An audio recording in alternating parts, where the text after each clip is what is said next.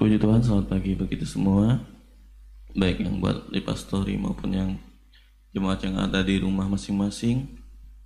Sebelum kita melangkah lebih jauh dan sebelum kita melakukan segala aktivitas kita di hari ini, mari kita mulai dengan kita bersekutu kepada Tuhan dengan kita datang untuk memuliakan, mengagungkan dan menikmati hadirat Tuhan.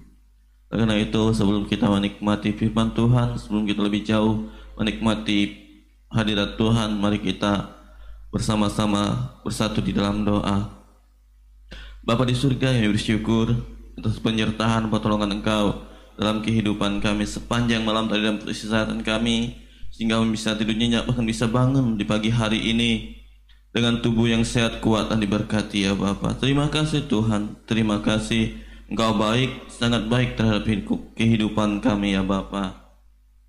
Dan Bapa, sebelum kami melangkah lebih jauh di hari ini ya Bapa, sebelum kami melakukan segala aktivitas kami, kami ingin mendasarkan, kami ingin mengawalkan semuanya dengan kami datang bersekutu kepada Engkau. Dan kami menikmati firman-Mu dan kami menikmati hadirat-Mu ya Bapa. Oleh karena itu, Engkau ambil alih persekutuan doa kami di pagi hari ini.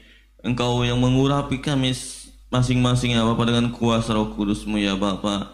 Sehingga ya Bapa roh kudus firman yang kami nikmati itu bekerja dalam kehidupan kami dan semakin memberkati kehidupan kami dan semakin mendewasakan iman dan percayaan kami kepada Engkau ya Bapa. Terima kasih Tuhan. Terima kasih kami siap untuk menikmati firman-Mu. Dalam nama Tuhan Yesus Kristus kami telah berdoa dan mengucap syukur. Haleluya, haleluya, amin. Puji Tuhan.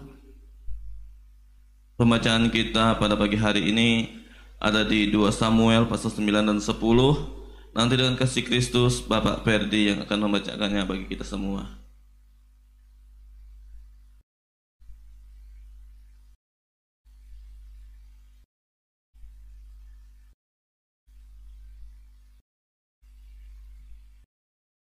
Daud dan Mephiboset. Berkatalah Daud, masih adakah orang yang tinggal dari keluarga Saul? Maka aku akan menunjukkan kasihku kepadanya oleh karena Yonatan. Adapun keluarga Saul mempunyai seorang hamba yang bernama Ziba. Ia dipanggil menghadap Daud, lalu raja bertanya kepadanya, Engkaukah Ziba? Jawabnya, hamba tuanku. Kemudian berkatalah raja, tidak adakah lagi orang yang tinggal dari keluarga Saul? Aku hendak menunjukkan kepadanya kasih yang dari Allah. Lalu berkatalah Ziba kepada raja, masih ada seorang anak laki-laki Yonatan yang cacat kakinya. Tanya raja kepadanya, di manakah ia? Jawab Ziba kepada raja, dia ada di rumah Mahir bin Amiel di Lodebar. Sesudah itu Raja Daud menyuruh mengambil dia dari rumah Makir bin Amiel dari Lodebar. Dan Mephiboset bin Yonatan bin Saul masuk menghadap Daud. Ia sujud dan menyembah. Kata Daud, Mephiboset, jawabnya, inilah hamba tuanku. Kemudian berkatalah Daud kepadanya, Janganlah takut, sebab aku pasti akan menunjukkan kasihku kepadamu oleh karena Yonatan ayahmu, aku akan mengembalikan kepadamu segala ladang Saul nenekmu dan engkau akan tetap makan sehidangan dengan aku. Lalu sujudlah Mephiboset dan berkata, Apakah hambamu ini sehingga engkau menghiraukan anjing mati seperti aku? Lalu raja memanggil Ziba, hamba Saul itu dan berkata kepadanya, Segala sesuatu yang adalah milik Saul dan milik seluruh keluarganya kuberikan kepada cucu tuanmu itu Engkau harus mengerjakan tanah baginya, engkau, anak-anakmu, dan hamba-hambamu, dan harus membawa masuk tuayannya, supaya cucu tuanmu itu ada makanannya. Mephiboset, cucu tuanmu itu akan tetap makan sehidangan dengan aku. Ziba mempunyai 15 orang anak laki-laki laki-laki dan 20 orang hamba. Berkatalah Ziba kepada raja, hambamu ini akan melakukan tepat seperti yang diperintahkan tuanku raja kepadanya. Dan Mephiboset makan sehidangan dengan Daud sebagai salah seorang anak raja. Mephiboset mempunyai seorang anak laki-laki yang kecil yang bernama Mika. semua orang yang diam di rumah Ziba adalah hamba-hamba Mephiboset. Demikianlah Mephiboset diam di Yerusalem sebab ia tetap makan sehidangan dengan raja. Adapun kedua kakinya timpang. Pasal 10, Daud berpegang melawan berperang melawan Bani Amon dan orang Aram. Sesudah itu matilah raja Bani Amon dan Hanun anaknya menjadi raja menggantikan dia. Lalu berkatalah Daud, aku akan menunjukkan persahabatan kepada Hanun bin Nahas, sama seperti Anya telah menunjukkan persahabatan kepadaku. Sebab itu Daud menyuruh menyampaikan pesan turut berduka cita kepadanya dengan perantaraan pegawai-pegawainya karena kematian ayahnya. Tetapi ketika pegawai-pegawai Daud sampai ke negeri Bani Amon itu, berkatalah pemuka-pemuka Bani Amon itu kepada Hanun, Tuan mereka, apakah menurut anggapanmu Daud hendak menghormati ayahmu karena ia telah mengutus kepadamu orang-orang yang menyampaikan pesan turut berduka cita? Bukankah dengan maksud untuk menyelidik kota ini, untuk mengintainya dan menghancurkannya, maka Daud mengutus pegawai-pegawainya itu kepadamu, Lalu Hanun menyuruh menangkap pegawai-pegawai Daud itu, disuruhnya mencukur setengah dari janggut mereka dan memotong pakaian mereka pada bagian tengah sampai pantat mereka, kemudian dilepasnya mereka. Hal ini diberitahukan kepada Daud, lalu disuruhnya orang menemui mereka, sebab orang-orang itu sangat dipermalukan. Raja berkata, Tinggallah di Yeriko sampai janggutmu itu tumbuh Kemudian datanglah kembali. Setelah dilihat Bani Amon bahwa mereka dibenci Daud, maka Bani Amon itu menyuruh orang menyewa dari orang Aram Bet Rehob dan orang Aram dari Zobah 20 ribu orang pasukan berjalan kaki dari raja negeri Maaka seribu orang dan dari orang-orang top 12 ribu orang. Ketika Daud mendengar hal itu, Disuruhnya lah Yoab maju dengan segenap pasukan pahlawan. Lalu Bani Amon maju, diaturnya barisan perangan perangnya di depan pintu gerbang, sedang orang Aram dari Zoba dan dari Rehob dan orang-orang Top dan Maaka dan tersendiri di padang. Ketika Yoab melihat bahwa serangan itu mengancam dia dari depan dan dari belakang, maka dipilihnyalah sebagian dari orang pilihan Israel, lalu ia mengatur barisan mereka berhadapan dengan orang Arab itu. Selebihnya dari rakyat itu ditempatkannya di bawah pimpinan Abisai, adiknya, yang mengatur barisan mereka berhadapan dengan Bani Amon itu. Lalu berkatalah Yoab, jika orang Aram itu lebih kuat daripadaku, maka haruslah engkau menolong aku. Tetapi jika Bani Amon itu lebih kuat daripadamu, maka aku akan datang menolong engkau. Kuatkanlah hatimu dan marilah kita menguatkan hati untuk bangsa kita dan untuk kota-kota Allah kita. Tuhan kiranya melakukan yang baik di matanya. Lalu Yoab dan tentara yang bersama-sama dengan dia maju berperang melawan orang Aram dan orang-orang itu melarikan diri dari hadapannya. Ketika Bani Amon melihat bahwa orang Aram sudah melarikan diri, maka mereka pun larilah dari hadapan Abisai dan masuk ke dalam kota. Sesudah itu, pulanglah Yoab setelah memerangi Bani Amon dan sampailah ia ke Yerusalem. Ketika orang Aram melihat bahwa mereka telah terpukul kalah oleh orang Israel, maka berkumpullah mereka bersama-sama. Juga Hadadezer menyuruh orang Aram yang di seberang sungai Efrat maju berperang. Mereka sampai ke Helam di bawah pimpinan Sobak, panglima tentara Hadadezer setelah hal itu diberitahukan kepada Daud, maka dikumpulkannya seluruh orang Israel di seberanginya sungai Yordan, lalu sampai ke Helam. Orang Aram mengatur barisannya berhadapan dengan Daud dan bertempur melawan dia, tetapi orang Aram itu lari dari hadapan orang Israel dan Daud membunuh dari orang Aram itu 700 ekor kuda, kereta dan 40 ribu orang pasukan berkuda. Sobak panglima tentara mereka dilukainya sedemikian hingga ia mati di sana. Ketika dilihat semua raja yang takluk kepada Hadadezer bahwa mereka telah terpukul kalah oleh orang Israel, maka mereka mengadakan perdamaian dengan orang Israel dan takluk kepada mereka.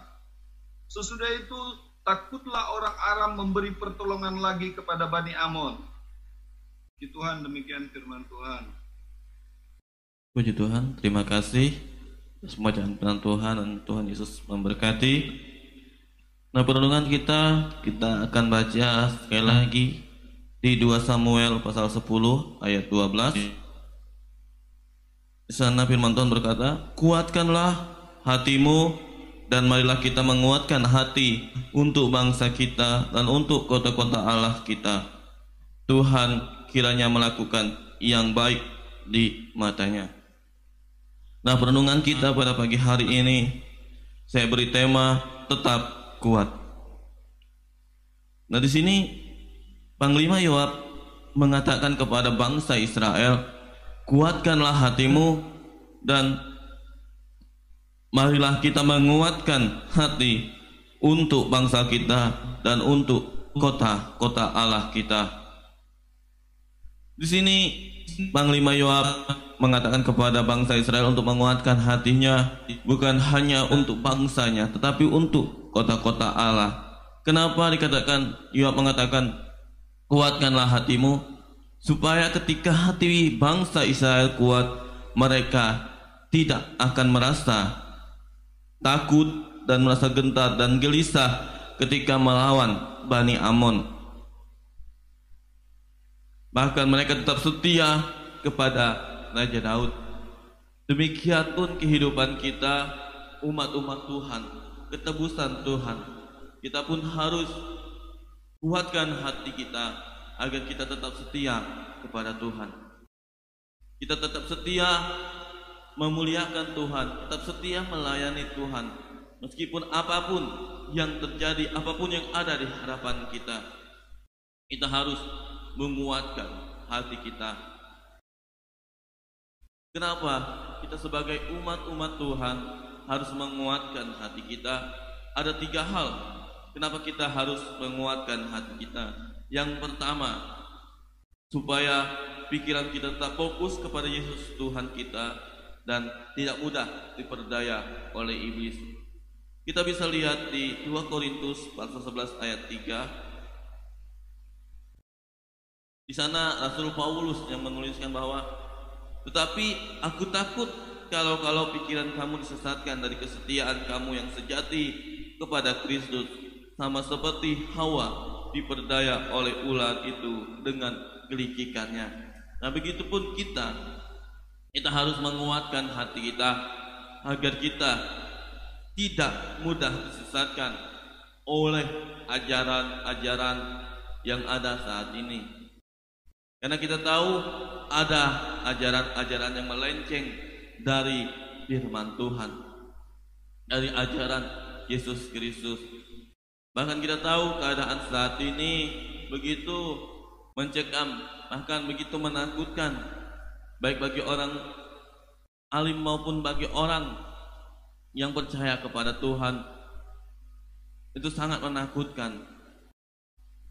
Banyak orang yang tidak berani untuk bisa datang beribadah kepada Tuhan karena hati mereka gelisah dan hati mereka khawatir dan takut dengan keadaan yang saat ini. Tapi kita harus kuatkan hati kita agar kita tetap berani untuk melangkah untuk memuliakan mengagungkan nama Tuhan. Oleh karena itu kita kuatkan hati kita agar apa pun yang ada apa pun yang terjadi dalam kehidupan kita dalam keluarga kita, kita tetap fokus kepada Tuhan dan tetap setia kepada Tuhan. Bahkan kita tidak mudah diperdaya dengan keadaan ini. Karena iblis begitu pintar, ia akan memutar balikan keadaan kita. Pasti ia akan seperti ia melakukan kepada Hawa, demikian juga ia akan selalu melakukannya kepada kita, umat-umat ketebusan Tuhan. Karena ia tidak ingin kita tetap setia kepada Tuhan. Oleh karena itu kuatkan hati kita agar iblis tidak mampu dan tidak menang dalam kehidupan kita agar kita pun tetap fokus kepada Tuhan. Karena kalau kita fokus kepada Tuhan, kita akan semakin dikuatkan dan semakin diberkati oleh Tuhan. Yang kedua, kenapa kita harus menguatkan hati kita supaya kita tetap tenang. Kenapa kita bisa ketika kita menguatkan hati kita kita bisa tenang? Karena ketika kita menguatkan hati kita, motivasi diri kita mengatakan hal-hal yang baik, maka pasti itu mendatangkan kebaikan dalam kehidupan kita, membuat hati kita tenang. Kita pasti ketika anak kita, adik kita yang masih kecil yang merasa takut, pasti kita akan menenangkan hatinya, berkata, "Tenang, ada ayah, ada ibu, ada kakak di belakangmu." kamu akan aman. Dia pasti akan tenang. Begitupun kehidupan kita. Ketika kita menenangkan hati kita, kita akan memiliki kekuatan dalam kita melangkah di hari-hari ini. Karena kalau hati kita gelisah, hati kita khawatir, hati kita takut, maka kecillah kekuatan kita. Tetapi kalau hati kita tenang, hati kita kuat, maka kekuatan kita pun hangatlah besar. Seperti di Yesaya 30 ayat 15 di sana berkata, sebab beginilah firman Tuhan Allah yang Maha Kudus Allah Israel, dengan bertobat dan tinggal diam, kamu akan diselamatkan. Dalam tinggal tenang dan percaya terletak kekuatanmu, tetapi engkau enggan. Saya akan membaca sekali lagi. Dalam tinggal tenang dan percaya terletak kekuatanmu. Nah, di sini kita dikatakan kita harus tenang. Bagaimana kita bisa tenang kalau kita hati kita tidak kuat? Oleh karena itu kita memerlukan kekuatan hati. Hati kita harus dikuatkan agar kita bisa tenang. Bahkan kalau kita bisa tenang, kita pun bisa bersekutu kepada Tuhan dan semakin menikmati hadirat Tuhan dalam persekutuan kita. Lebih pada saat pagi hari ini, ketika hati kita tenang, kita akan semakin menikmati hadirat Tuhan, akan semakin lagi menikmati lawatan Tuhan. Karena ketika hati kita tenang, kita akan tetap fokus dengan kepada Tuhan, dengan Tuhan saja. Kita tidak akan memiliki pikiran-pikiran yang lain. Karena kefokusan kita hanya kepada Tuhan. Oleh karena itu kita memerlukan kekuatan hati kita. Kita perlu kuatkan hati kita agar kita tetap fokus kepada Tuhan agar kita tetap tenang. Karena dalam ketenangan kita akan menikmati, semakin menikmati hadirat Tuhan. Terus kenapa lagi kita harus men, menguat, harus menguatkan hati kita. Yang ketiga, supaya kita tetap optimis. Kita harus menguatkan hati kita agar kita tetap optimis. Karena saat-saat ini yang berjualan, yang buka toko, yang buka potong rambut, salon, pasti akan apa ya? Pengunjung atau konsumennya pasti akan berkurang karena keadaan yang saat ini, Covid yang saat ini membuat keadaan semakin membuat kita merasa dirugikan, merasa hal-hal yang tidak baik dalam kehidupan kita. Oleh karena itu, kita harus optimis dalam kita menghadapi semuanya ini. Karena kenapa kita harus optimis? Karena pengharapan kita pasti. Pengharapan kita hanya kepada Tuhan. Oleh karena itu kita harus optimis dalam kita menghadapi segala sesuatu yang terjadi saat-saat ini. Terlebih yang terjadi dalam kehidupan kita, dalam keluarga kita. Kita yakin dan percaya apa pun yang terjadi dalam kehidupan kita, apa pun yang terjadi dalam keluarga kita, semuanya itu untuk kebaikan dalam kehidupan kita, untuk kemuliaan nama Tuhan. Karena apa pun yang Tuhan izinkan terjadi dalam kehidupan kita, itu tidak melebihi dari kekuatan kita. Karena Tuhan, penyertaan Tuhan begitu sempurna dalam kehidupan kita. Bahkan pengharapan kita pasti karena pengharapan kita ada di dalam Tuhan Yesus Kristus. Nah, kita ambil satu kisah dalam Alkitab yaitu tentang Ishak. Ishak waktu itu menabur di tanah yang tandus. Secara logika, manusia pasti itu tidak akan menghasilkan karena tanahnya tandus tidak subur. Pasti walaupun ada hasilnya, pasti hasilnya sedikit. Bahkan akan rugi. Tetapi Ishak ia optimis, ia pun menanam di tanah yang tandus, maka hasilnya pun sangat luar biasa. Bah, hasilnya 100, bah, 10, 100 bahkan 1000 kali lipat dari apa yang ia tanam. Begitupun kehidupan kita, kita harus optimis dalam menjalaninya. Apa pun yang kita kerjakan, apa pun yang kita usahakan, kita optimislah, maka hasilnya pun akan sangat baik dalam kehidupan kita. Tapi kalau kita tidak menguatkan hati kita, maka ketiga hal ini yakni pikiran tetap fokus, kita tetap tenang, bahkan kita tetap optimis, itu tidak akan bisa ada dalam kehidupan kita. Kalau kita tidak menguatkan hati kita, kita tetap tidak kuat hati kita. Oleh karena itu, tetaplah kuatkan hati kita agar kita tetap fokus kepada Tuhan dan supaya kita tetap tenang agar kita saat menikmati hadirat Tuhan semakin menikmati lawatan Tuhan kuasa Tuhan dan supaya kita tetap optimis dengan segala sesuatu yang ada yang kita terjadi dalam kehidupan kita. Dan biarlah firman Tuhan di pagi hari ini semakin menguatkan kita semakin memberkati kehidupan kita dan semakin membuat kita setia kepada Tuhan dan semakin menguatkan hati kita karena orang yang kuat adalah orang yang menguatkan hatinya, mendewasakan hatinya dari hal-hal yang tidak baik.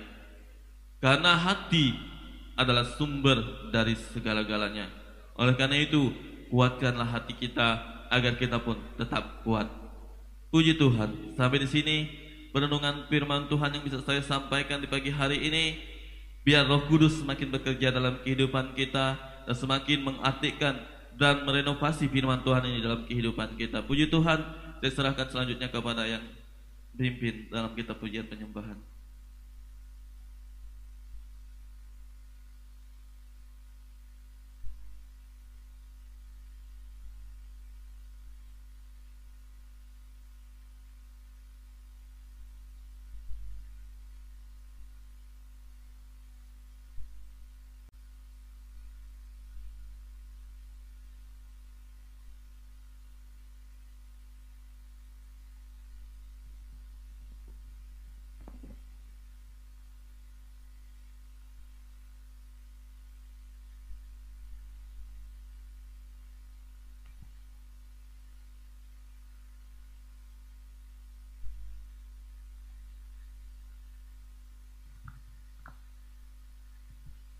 Puji Tuhan, kita mau menyembah Tuhan. Terima kasih Tuhan. Puji Tuhan, haleluya. Haleluya, haleluya Yesus. Ya Yesus, puji Tuhan.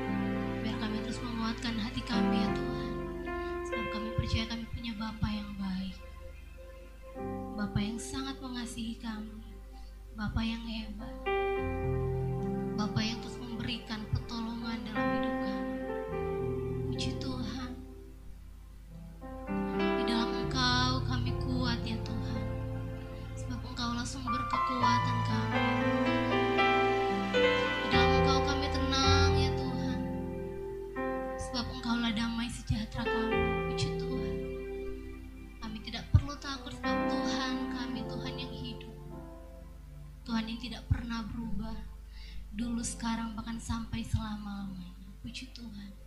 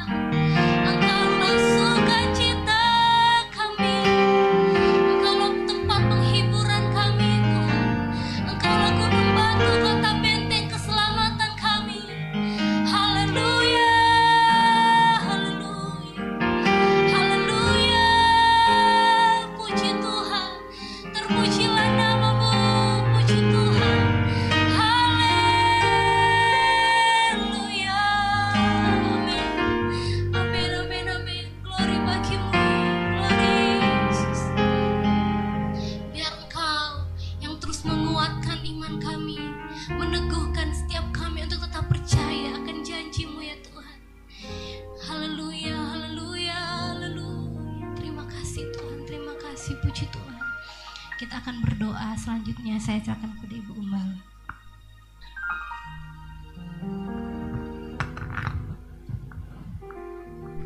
Terpujilah namamu Bapa Surgawi. Terima kasih kami boleh dikuatkan lagi dengan firman-Mu pada pagi hari ini. Biarlah di dalam setiap situasi, sekali ya Tuhan Yesus seolah-olah musuh itu kuat. Seolah-olah musuh itu hebat. Tapi kami tahu kami punya Tuhan yang lebih dahsyat dan lebih hebat.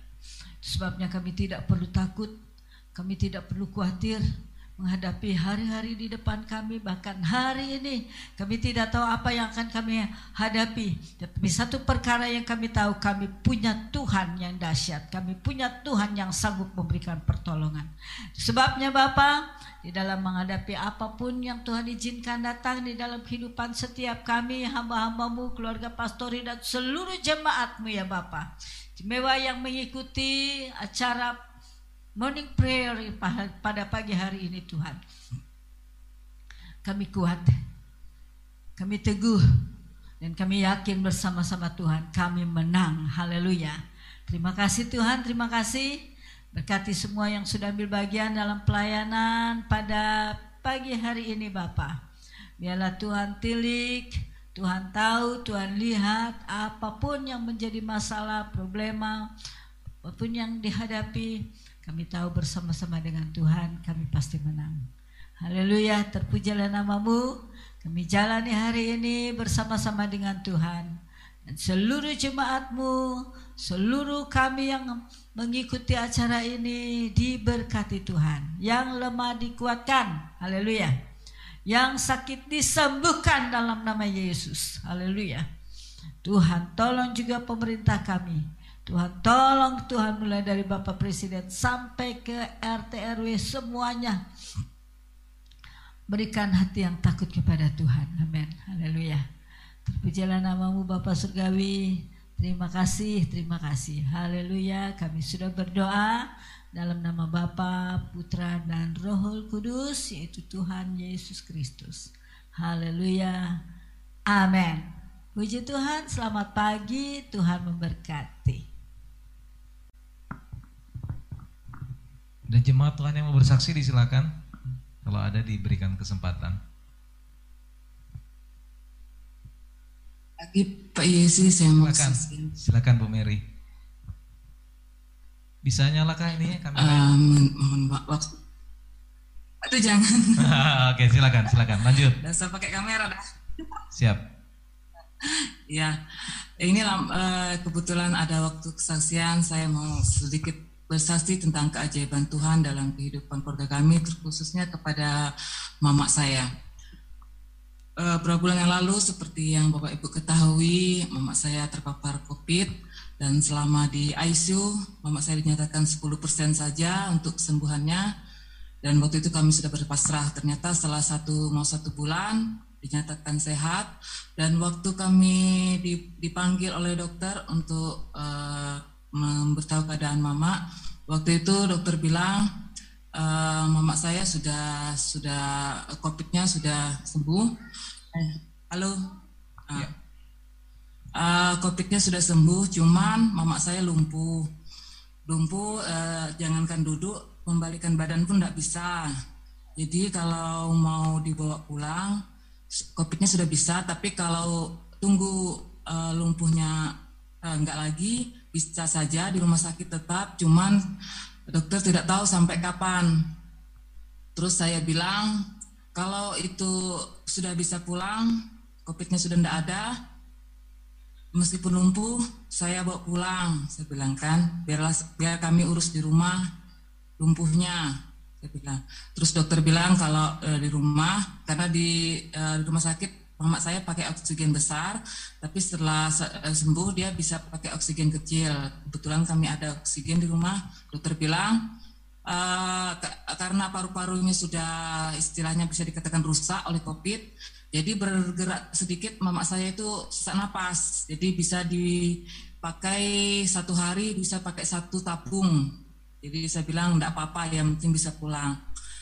Uh, dari rumah sakit dijemput, mas dari rumah sakit masuk ke mobil, mama saya digendong, terus dari mobil masuk ke dalam rumah karena mama mau mandi langsung dimasukkan ke kamar mandi, itu pun digendong.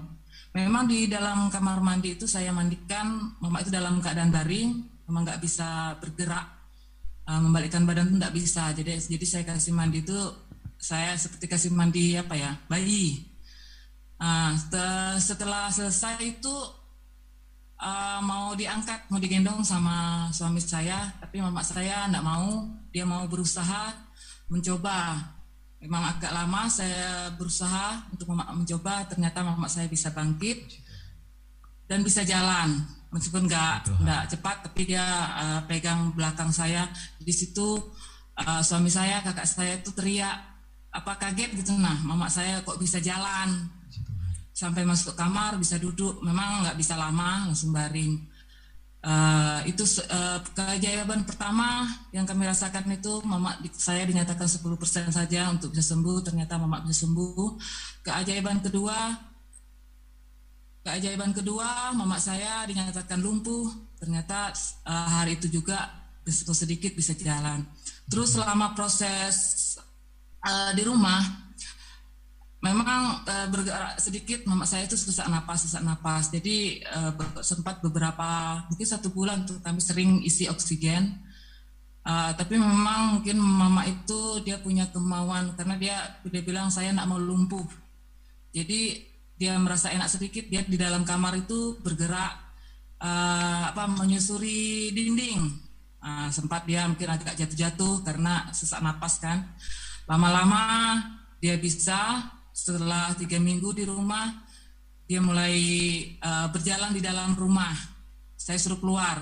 Mama keluar aja. Pertama dia takut ya kayak model trauma untuk ketemu orang gitu kan. Uh, tapi saya uh, minta mama saya keluar di dalam rumah untuk jalan di dalam rumah kalau mau agak panjang uh, latihan jalannya. Kemudian mama sempat beberapa hari di dalam rumah. Dia menyusuri dari ujung ke ujung pintu setelah beberapa hari, uh, mungkin satu bulan lebih sudah, saya ajak bilang, mak, mama mau ndak jalan di luar? Bilang, mama saya ndak, saya malu orang lihat saya berjalan kayak bayi yang baru jalan. Aku bilang ndak apa-apa, kalau mak mau saya bawa keluar. Jadi setiap pagi, pagi habis ibadah pagi itu, saya sama mama sebelum orang di depan gang itu keluar, saya sama mama bawa jalan dari rumah sampai di depan gang. Di depan gang agak lama. Kalau sudah tidak ada orang mama cepat-cepat bawa pulang. Karena dia malu. Orang lihat dia jalan kayak baru jalan. Nah sempat beberapa apa berapa lama seperti itu. Dan puji Tuhan sekarang mama sudah hampir satu bulan ini kami tidak pernah pakai oksigen lagi. Gitu, mama tidak ada sesak napas. Uh, terus juga sudah mama sudah mulai berani keluar uh, meskipun ada banyak orang di luar rumah dia sudah berani keluar mungkin di bawah mangga atau kemarin ke tempat kakak saya di Samarinda. Itu saya kami rasakan sangat luar biasa. Sekarang mama sudah bisa beraktivitas seperti biasa di rumah seperti menyulam memasak. Iya, cuman mama masih tetap pakai masker ya, mungkin karena dia trauma, jadi tetap dia mau di rumah itu pakai masker. Cuman untuk berkegiatan seperti biasa, tidak pernah hmm. lagi dia merasakan sesak napas. Itu yang kami rasakan keajaiban Tuhan buat mama kami yang untuk usia seperti mama saya itu kata dokter itu suatu yang hal yang kecil untuk bisa sembuh, apalagi bisa uh, kembali normal seperti biasa. Nah, itu saja kesaksian dari kami. Kami uh, mengucapkan banyak terima kasih juga buat dukungan doa dari teman-teman, dari Bapak Ibu Pendeta, juga keluarga. Eh, selama kami kemarin juga eh, terkena COVID, kami banyak mendapatkan dukungan juga kepada mama saya. Eh, demikian kesaksian dari kami, terima kasih. Ya, puji Tuhan. Ya, makasih banyak Tuhan Yesus berkati. Kita doa sebentar ya buat Ibu Isa. Kami bersyukur ya Tuhan sebab Engkau baik, Engkau melakukan lebih daripada yang kami minta ya Tuhan. Bahkan ketika dokter memfonis ya Tuhan hal-hal yang kelihatannya begitu berat tetapi kami bersyukur ya Tuhan sebab kami hidup bukan berdasarkan pandangan manusia tapi sesuai dengan kebenaran firman. Itu sebabnya hidupkan kami oleh firman-Mu ya Tuhan untuk kami boleh terus ya Tuhan berjalan dalam iman ya Tuhan pada kemenangan demi kemenangan kemuliaan yang semakin bertambah besar. Kami berdoa memohon biar Tuhan terus kasih ya Tuhan semangat kepada Ibu Isa ya Tuhan. Sehingga ya Tuhan di masa tuanya menjadi masa-masa yang indah bersama dengan Tuhan. Engkau Allah yang terus menggendong dengan setia sampai masa memutih rambut. Berkati juga Bapak Dani Korompis keluarga ya Tuhan Yesus yang kau boleh izinkan ya Tuhan untuk menjadi penyintas COVID. Kami bersyukur ya Tuhan terus pakai keluarga ini menjadi alat kesur, uh, kesenangan daripada Engkau ya Tuhan. Terima kasih. Kami berdoa mengucap syukur dalam nama Yesus. Haleluya. Amin. Puji Tuhan. Terima kasih Bapak Ibu. Makasih Bu Mary yang sudah membagikan kesaksiannya. Uh, mungkin cukup satu dulu yang bersaksi nanti uh, disimpan kalau ada besok yang mau bersaksi disilahkan ya. Dan Yesus memberkati. Selamat beraktivitas. Selamat pagi semuanya. Pagi semuanya. Puji Tuhan. Pagi. Pagi. Selamat pagi semuanya, Tuhan berkati. Tuhan berkati. Selamat pagi semuanya, Tuhan berkati. Amin. Berkati. Halo Pak Yakub. Saya sih diam-diam saja ini. Iya itu. Diam-diam, diam-diam menghanyutkan. Ah, iya nih.